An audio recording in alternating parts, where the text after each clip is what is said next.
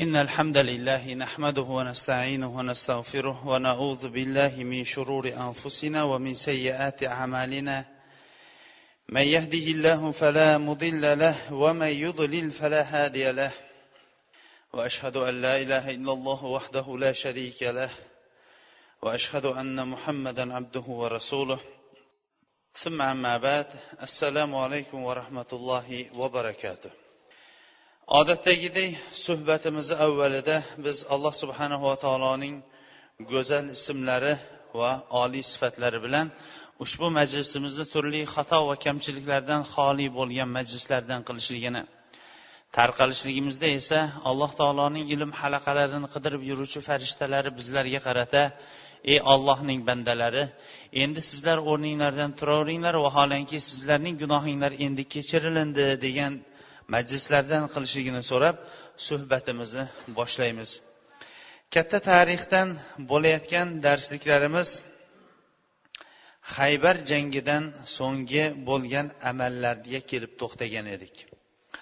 Haybar fath bo'lib bo'lganidan keyin hamma tomon xotirjam turgan vaqtda sallam ibn mashkum degan yahudiyning ayoli zaynab bintil haris shu yerdagi ashoblardan rasululloh sollallohu alayhi vasallamning sahobalaridan so'radi. Bu kishi ya'ni rasululloh sollallohu alayhi vasallam nimani yaxshi ko'radi dedi. Qo'yning oldi oyog'ini yaxshi ko'radi dedi. Bir qo'yni so'yib taom pishirib xossatan oldi qo'lini qattiq va ko'p zaharladi. Rasululloh sollallohu alayhi vasallamni oldiga qo'ydi. Rasululloh sollallohu alayhi vasallam go'shtdan tanovul qildi va tanovul qilgan birinchisi qo'yning oldi oyog'idan tanovul qildi. Bir chimdim olib yeganidan keyin aytdilarki bu suyak zaharlanganligi haqida xabar beryapti dedi. Payg'ambarlik mo'jizasi oshkor aniq bo'ldi. So'ngra bu taomni pishirib kelgan ayol olib keltirildi keyin nimaga bunaqa qilding deb so'ralgan vaqtda aytdiki agar podshoh bo'ladigan bo'lsa bundan qutulib qo'ya qolamiz. Payg'ambar bo'ladigan bo'lsa payg'ambarligini sinab ko'rmoqchi edim. Xabar berardi shuni bilishlik uchun qildim dedi. Rasululloh sollallohu alayhi vasallam kechib yubordi. Bu kechiruvchilarning sayyidi alloh taolo maqtayapti. Sizni biz olamga rahmat etib yubordik deyapti. Ammo bu ayol javobi ham makkori bo'lgan ayol edi. Ular rasululloh sollallohu alayhi vasallamning ollohning haq payg'ambari ekanligini ular bilishardi. Bundan avvalgi mo'jizalarini ham ko'p ko'rgan edi. Eshitgan edi bilishardi. Bo'lib ham haybar ahli payg'ambar mana shu tomondan chiqishligini bilganligi uchun ham ularning ajdodlari shom diyorlaridan payg'ambarni kutib olishlik uchun shu yoqqa kelishgan edi. Bilishardi. Lekin rasululloh sollallohu alayhi vasallamga qilgan adovat sababli mana shu ishga qo'l urgandi. Ammo rasululloh sollallohu alayhi vasallam uni kechirib yubordi. Kechiruvchilarning sayyidi mana shunaqangi holatda edi. Rasululloh sollallohu alayhi vasallam yolg'iz ovqatlanmasdi. Yonlarida doim odam bo'lardi. Bishr ibn barro bin ma'rur degan sahoba rasululloh sollallohu alayhi vasallam bilan birga o'tirgan edi u kishi ham bir luqma yegan edi. Shu bir luqmaning o'zida qattiq zaharlangan go'sht sababli u kishi vafot etdi. U kishining vafot etganidan keyin ba'zi bir tarixchilar rasululloh sollallohu alayhi vasallam bu ayolni jonga jon uchun qisos bobidan o'ltirishlikka buyurdi degan ekanlar. Haybar jangidan keyin butun haybar diyorlari musulmonlarning qo'rg'oni ostiga olindi. O'n oltita kishi musulmonlardan shahid qilindi. Yahudiylardan esa to'qsontadan ortiq. Ba'zilar to'qson uchtasi vafot etdi degan ekan. Haybarning atrofida banu isroillik boshqa bir toifalar ham ya'ni yahudiylarning boshqa bir toifalari ham bor edi. O'shalardan fadak degan o'rinda yahudiylar yashashardi rasululloh sollallohu alayhi vasallam haybarni fath qilganidan keyin muhaysa bin masudni fadakdagi yahudlarga yubordi. Ularni islomga chaqirtirishlik uchun. Ular bosh tortishdi. Lekin haybarning fath bo'lganini eshitgandan keyin alloh taolo ularning qalblariga qo'rquv soldi va o'zlari rasululloh sollallohu alayhi vasallamga elchi jo'natib haybarliklar kelishgani kabi biz ham kelishsak jonimizu molimiz omonlikda qolsa biz chiqqan hosilning yarmini berib tursak degan elchini jo'natishdi. Rasululloh sollallohu alayhi vasallam ularning bu elchisining yuborgan risolatini qabul qildi va rozi bo'ldi. Fadak ham musulmonlar qo'liga o'tdi. Va yana vadil quro hozirgi kunda ham mana shu nom bilan nomlanadi. Bu yerda ham yahudiylar yashashardi. Bular ham arobiylarga qo'shilib rasululloh sollallohu alayhi vasallam va musulmonlarga qattiq zararini yetkazardi yahudiylarning haybar va fadakning fath bo'lganligini eshitganidan keyin bular ham taslim bo'lish arafasida turgan edi. Rasululloh sollallohu alayhi vasallam vodil qur'oni ham fath qilishlikka bordi. Rasululloh alayhissalomning yonida xizmat qilib yuradigan bir kishi fadak o'rnidan qo'zg'algan vaqtdagi otilingan vodil quroda otilingan yoy sababli vafot etdi. Sahobalar aytdi jannat unga marhabo bo'lsin jannatiy dedi. Shunda rasululloh alayhissalom yo'q jonim uning qo'lida turgan zotga qasamki haybar kuni o'ljalar ichidan olingan va musulmonlar qo'liga qaytarib topshirib bermagan kichkina bir arqoni ipchasi sababli u jannatdan to'silib turibdi dedi. Ya'ni musulmonlarning umumiy haqqini olib qo'yganligi bu asli jang maydonida olingan barcha o'ljalar shu qo'mondonning oldiga olib borib keyin taqsimlanishligi kerak edi. Bu kishi kichkina bir arqonni bermaganligi sababli jannatdan to'silib turibdi dedi. Bu gapni eshitgandan keyin ba'zi odamlar mana bu oyoq kiyimning ipi falon jangda menda qolib ketuvdi desa boshqalari ikkita oyoq bog'lagich ipni ham olib kelib berishdi. Rasululloh alayhissalom jahannamdan bo'lgan oyoq kiyimning bitta ipi jahannamdan bo'lgan oyoq kiyimning ikkita ipi deb atadi. Umumiy musulmonlarning haqqini yeyishlik bu nihoyatda katta bir gunoh ekanligini mana shu yerda bir bilib qo'ymoqligimiz kerakdir. O'zi bir musulmonning haqqini olishlik o'zi bir katta bir gunoh. Ammo umumiy musulmonlarga taraladigan o'rinda musulmonlarning haqqini yeyishlik bu katta gunohlarning bittasi. Hisoblanardi. Vodil qurodagi yahudiylar ham islomga kirishlikdan bosh tortib turganidan keyin rasululloh sollallohu alayhi vasallam ashoblarini jangga tayyorladi va bayroqni sad ibn ubadaga topshirdi.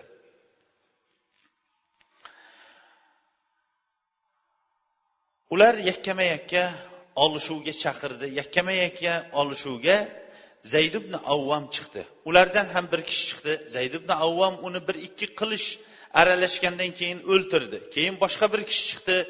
U boshqa bir kishiga ali ibn abi tolib roziyallohu anhu chiqdi. U kishini o'ltirdi.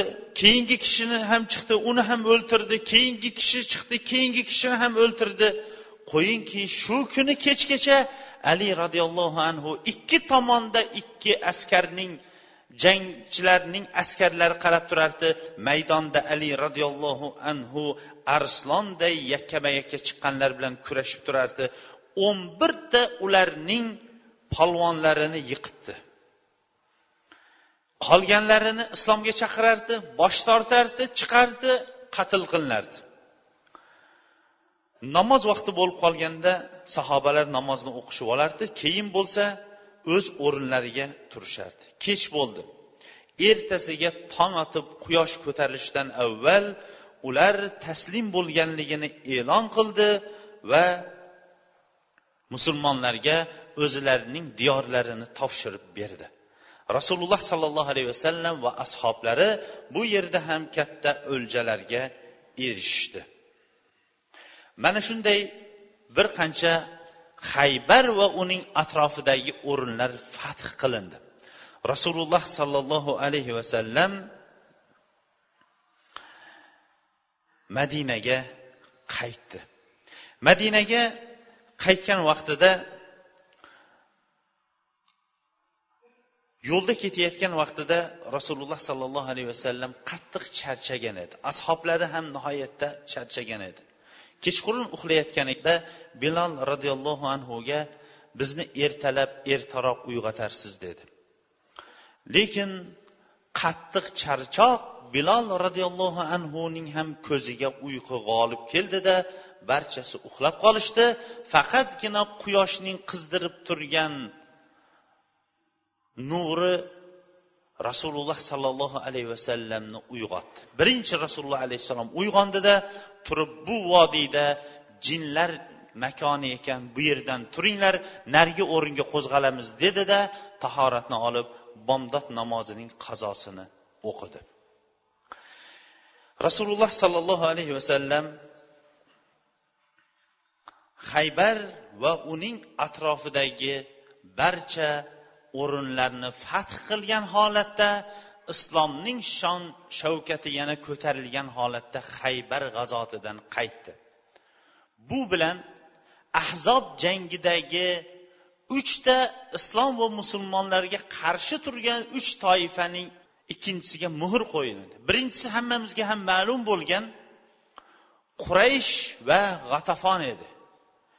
Ikkinchisi atrofdagi badaviy arobiylar edi. Uchinchisi jang maydoniga kirmasdan orqadan fitna tuxumini qo'yib o'tiradigan yahudiylar edi. Hudaybiya sulhida g'atafon va quraysh fitnasidan rasululloh alayhissalom qutuldi. Haybar jangida esa endi yahudiylar fitnasidan qutuldi. Endi esa atrofda arobiylar rasululloh alayhissalomga bir fursat qidirib yurgan arobiylargina qolgan edi. Lekin hudaybiya sulhidan ko'p vaqt o'tmasdan bir yil ham o'tib qolgan edi. Agar esinglarda bo'lsa hudaybiya sulhidagi sulhlarning bittasida musulmonlar bu yili umra qilmasdan qaytishadi umraga kelasi yil keladi degan shartnoma bor edi. Zulqada oyi kirib qolganligi uchun ham rasululloh sollallohu alayhi vasallam umraga chiqishlikka ashoblarni buyurdi va bu umraga faqatgina hudaybiya sulhida chiqqanlargina chiqishlikka buyurdi. Biron bir hudaybiyada chiqmaganlar chiqmasin dedi. Ikki mingdan ortiqroq sahobalar jamlanishdi. Bu ayollar va go'daklarning sonini olmagan holatda. Madinaga abu rahm al g'ifari roziyallohu anhuni boshchi qilib qo'ydi. Rasululloh sollallohu alayhi vasallamning o'zlari oltmishta tuyani qurbonlik qilishlik uchun oldiga solib haydadi. Tuyalarga haydashlik uchun najiya bin jundub al aslamiy roziyallohu anhuni boshchi qildi zulhulayfada umraga niyat qildi va talbiya aytdi musulmonlarning ham barchalari talbiya aytdi. Qurol yaroqlarini olgan holatda musulmonlar uchun makka ahli quraysh xiyonat qilib qolishlikdan ehtiyot bo'lgan holatda makkaga qarab turib yurdi. Bu aslida nihoyatda katta bir inson uchun necha yillik quvg'indan keyin ibodat bilan yer kurasida agar inson uchun suyukli bir makon bo'ladigan bo'lsa u yolg'iz ollohning uyi hisoblangan kaba bo'lishligi mumkindir. Rasululloh sollallohu alayhi vasallam mana shunaqangi bir sharafli joyda tug'ilgan edi. Sharafli oilada tug'ilgan edi. O'zi ham sharafli muhammad amin degan laqab bilan katta bo'lgan edi. Lekin qavmining u kishini chiqarib yuborganligi sababligina kabani tashlab chiqib ketgan edi. Endi esa umraga niyat qilgan ehromlarini bog'lagan talbiya aytgan holatda ollohning uyiga o'zining vataniga qaytib borishlik bu hamma uchun bir baxt hisoblanadigan bo'lsa rasululloh sollallohu alayhi vasallam uchun nihoyatda bir chekki yo'q bo'lgan bir baxt edi. Uning ustiga ashoblari ham makkani qattiq bir sog'inishgan edi. U yerdagi tug'ishganlari yaqinlari bilan aloqa mutlaq yo'q uzilib ketgan edi. Barchalari talbiya aytgan holatda borishdi. Rasululloh sollallohu alayhi vasallam makkaga o'zining mashhur qasvo degan tuyasini minib olgan holatda borishdi. Ular ehromga kirishgan qilichlari esa qinidan chiqarilmagan holatda talbiya aytishib borishardi. Makka ahli ham rasululloh sollallohu alayhi vasallamning kirib kelayotganligini eshitishib ular qaynqo degan kabaning shimoliy tomonidagi toqqa qarab chiqib ketishdi musulmonlarni bir tashqaridan kuzatib turishlik uchun. Va ular ichkarida bir gap so'z taratdiki madinaning issig'idan kasalliklaridan ojiz bo'lib o'zlarini zo'rg'a tanalarini suyaklarini ko'tarib kelayotgan bir kasal odamlar hozir kirib keladi degan gapni taratishgan edi. Haqiqatdan ham madina rasululloh sollallohu alayhi vasallam kelishligidan avval tarqoq qashshoq va issiqlik isma kasalligi tutqaloq kasalligi paydo bo'lib qoladigan bir kasallikning markazi edi. Rasululloh sollallohu alayhi vasallam ilk bor hijrat qilib kelganida mana shu kasalliklar ba'zi bir ashoblariga tega boshlaganida alloh subhanahu va taolodan duo qilib turib bu kasalliklarni tashqari bir diyorlarga ko'chirib yuborishligini alloh subhanahu va taolodan so'raganidan keyin bu kasalliklar madina shahridan ko'chib ketgan edi. Va hozirgacha mana madina diyorlarini ziyorat qilgan kishilar yaxshi bilishadi. Havosi nihoyatda musaffo yengil xotirjam ravishdagi pokiza bir shahar ekanligini yaxshi bilishadi.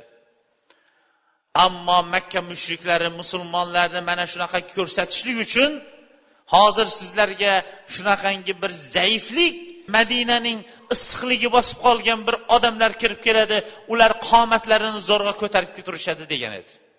Bunaqa avlama ya'ni insonlarga noto'g'ri musulmonlarga qarshi bo'lgan tashviqotlarni yuritishlik islom tarixidan to bugungacha va qiyomatgacha davom etishligi muqarrardir.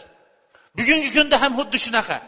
Biron bir kishining soqol qo'ygan dindor ekanligini bir payqab qolishadigan bo'lsa darrov ularni ba'zi bir insonlarni qo'rqitadigan vahimali nomlarni qo'yib turib ulardan insonlarni cho'chitishlik qo'rqitishlik yoyinki ularni ba'zi bir nomlar bilan nomlab turib insonlar bilan din o'rtasini bo'lib tashlashlik va yo'qotib uzoqlashtirishlik uchun bunaqangi e'lonlar agar bugun qilinayotgan bo'lsa bu ajab emas makka mushriklari rasululloh sollallohu alayhi vasallamga ilk bor payg'ambarlik tushgandan boshlab bu shoir bu majnun bu sehrgar deb kelgan bo'lsa endi madinadagi katta bir o'zining ma'rifati taraqqiyoti bilan ko'rinib turgan musulmonlar kirib kelayotgan vaqtda hozir sizlarga bir ojiz bo'lib qolgan madinaning issig'i tegib qolib ojiz bo'lib qolgan odamlar kiradi ularni bir tomosha qilinglar deb turib kabaning shimolidagi toqqa qarab ular ko'tarilishdi.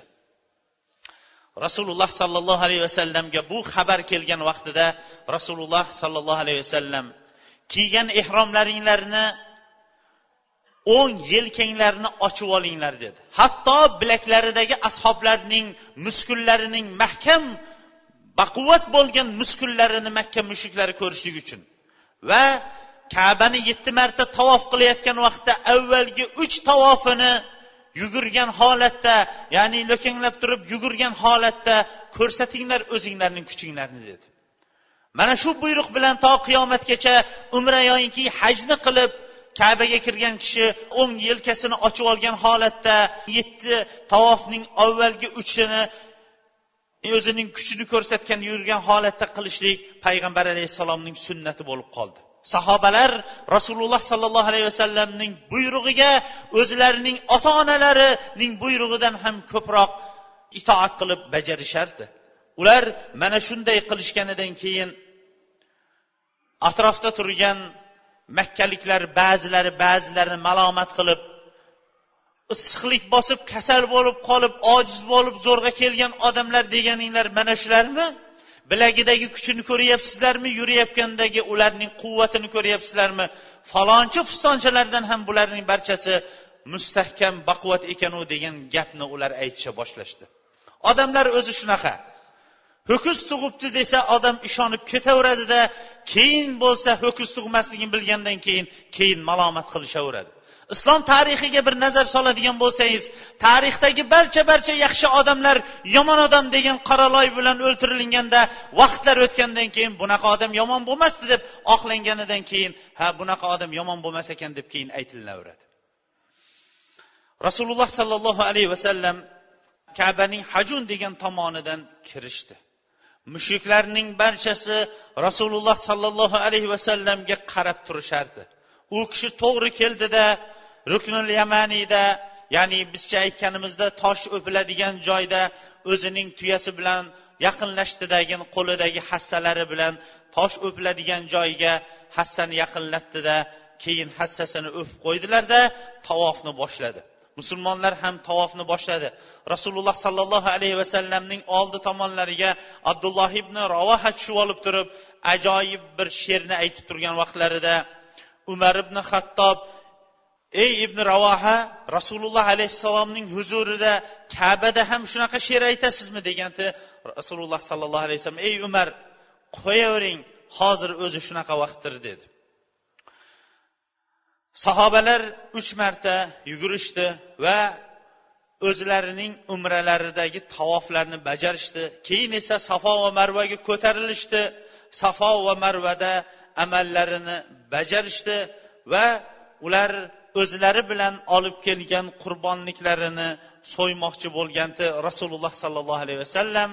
Makkaning hamma tomoni ham qurbonlik so'yadigan o'rindir dedi. Shu bilan payg'ambar alayhissalom yana bir payg'ambarlik bir mo'jizasini bildirib ketdiki bugungi tongdagi olti yetti million borayotgan hojilar agar faqatgina kabaning oldidagina qurbonlik qilishlik ularga vojib bo'lganida ular kabaning atrofida qurbonlik qilolmay qolgan bo'lardi. Ikkinchidan kabaning atrofi qon bilan to'lib ketgan bo'lardi. Haramning chegarasining barchasi qurbonlik qiladigan o'rin degandan keyin hozirgi kungacha allohga beadad hamdlar bo'lsin hajga borganlarning barchalari atrof atroflarda o'zlarining qurbonliklarini qilishadi. Ularning barchalari qurbonliklarini qilishdi. Rasululloh sollallohu alayhi vasallam kabada uch kun turdi. To'rtinchi kun tong otganda mushriklar rasululloh alayhissalom va ashoblaridan qo'rqardi. Qo'rqqani ularni o'ltirib qo'yadi yoinki ularga bir tajovuz qiladi moli davlatiga xiyonat qiladi deganda ular qo'rqishmasdi.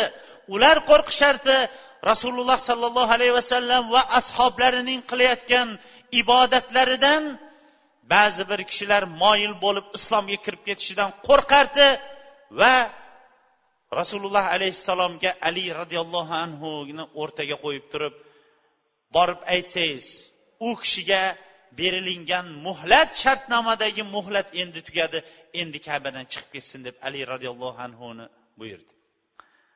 Insonlar ba'zan shu mana shu o'rinni o'qigan vaqtimizda avval hayron bo'lardik. Nahotki inson musulmonlarning qilayotgan toat ibodatidan boshqalar qo'rqishsa deb. Haqiqatdan ham qo'rqisharkan. Rasululloh sollallohu alayhi vasallamdan avvalgi payg'ambarlar tarixiga bir nazar soladigan bo'lsangiz yer kurasida eng katta va qattiq tug'yon qilgan fir'avndaqa zot o'tmagan.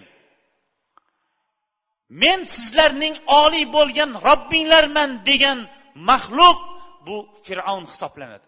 Shu fir'avn ham muso alayhissalom va u kishining ashoblarini yer kurasida fasod tarqatyapti degan. Subhanalloh muso alayhissalomdaqa bir payg'ambar va ashoblari yer kurasida fasod tarqatsa ya insonning ko'zi ko'r bo'lmaydi balki qalbi ko'r bo'ladi. Bu haqida alloh subhanava taolo aytadi. La tamal absor ko'zlar ko'r bo'lmaydi lekin ko'kragidagi qalblar ko'r bo'ladi deydi. Haqni haq deb ko'ra olmaydigan ba'zi bir insonlar bo'ladi. Nechi marta qulog'iga ozon aytilib tursa ham mana shu ozon aytilyaptiyu deb qalbi ochilmaganlar bo'ladi. Bo'lmasam ko'zi ularniki ko'radi. Ammo ko'zi ko'rmay turib uni masjidga yetaklab olib kelayotgan insonlar qancha? Ko'zi ko'rmaydi lekin qalbi ochiq. Bunaqangi tarixda nihoyatda katta bir allomalar ham o'tishgan. Ko'zlari ko'r lekin qalblari ochiq bo'lganligi uchun ham ular o'n minglab yuz minglab hadislarni yoddan bilishadi. Bu yerda ham rasululloh sollallohu alayhi vasallam va ashoblarining xotirjam ibodat qilib turishligidan ular qo'rqishdi. Qo'rqib turib boshqalar ham dinni qabullab qo'yishligidan qo'rqqan holatda uchinchi kundan keyin endi chiqib ketsin dedi. Bugungi kunda ham islom olamida bo'layotgan ba'zi bir diyorlardagi fitnalarni kelib bizlarga oldimizga qo'yib turib musulmonlarda mana shunaqa fitnalar bo'lyapti deyiladigan bo'lsa bu biz ochiq ko'rlik deymiz. Chunki musulmonlarning xotirjam qilayotgan ayniqsa keyingi o'n yillik davrida qilinayotgan toat ibodat sababli kufr ahllarining o'zida yuzlab ochilayotgan masjidlardan atrofdagilar qo'rqib ketishib keyin musulmonlarning sha'nini yolg'on qilib oppoq kiyimlarini qonga bo'yashlik uchun bunaqangi bo'layotgan fitnalarning barchasi musulmonlarning xotirjamligini yo'qotib turib musulmonlarni mana shunaqa dunyoga ko'rsatishlikdir. Bo'lmasam islom uchun tashqaridan boshqa targ'ibotning bo'lishligi uchun hojat yo'qdir. Targ'ibotsiz o'zi insonlar xotirjam ravishda o'zlarining qulchiliklarini ibodatlarini qilib turganning o'zida qancha insonlar dinga kirib ketadi. Shuning uchun ham din uchun eng birinchi tinchlik kerakdir. Rasululloh sollallohu alayhi vasallam ahdu paymonlarga va'da qiluvchilarning ustozi edi. To'rtinchi kuni rasululloh sollallohu alayhi vasallam haramning chegarasidan chiqdi. Va sarif degan joyda hozir ham shu ism bilan nomlanadi shu yerda turdi. Makkadan qaytib ketayotgan vaqtda hamza roziyallohu anhuning makkada qolib ketgan kichkina qizchasi bor edi.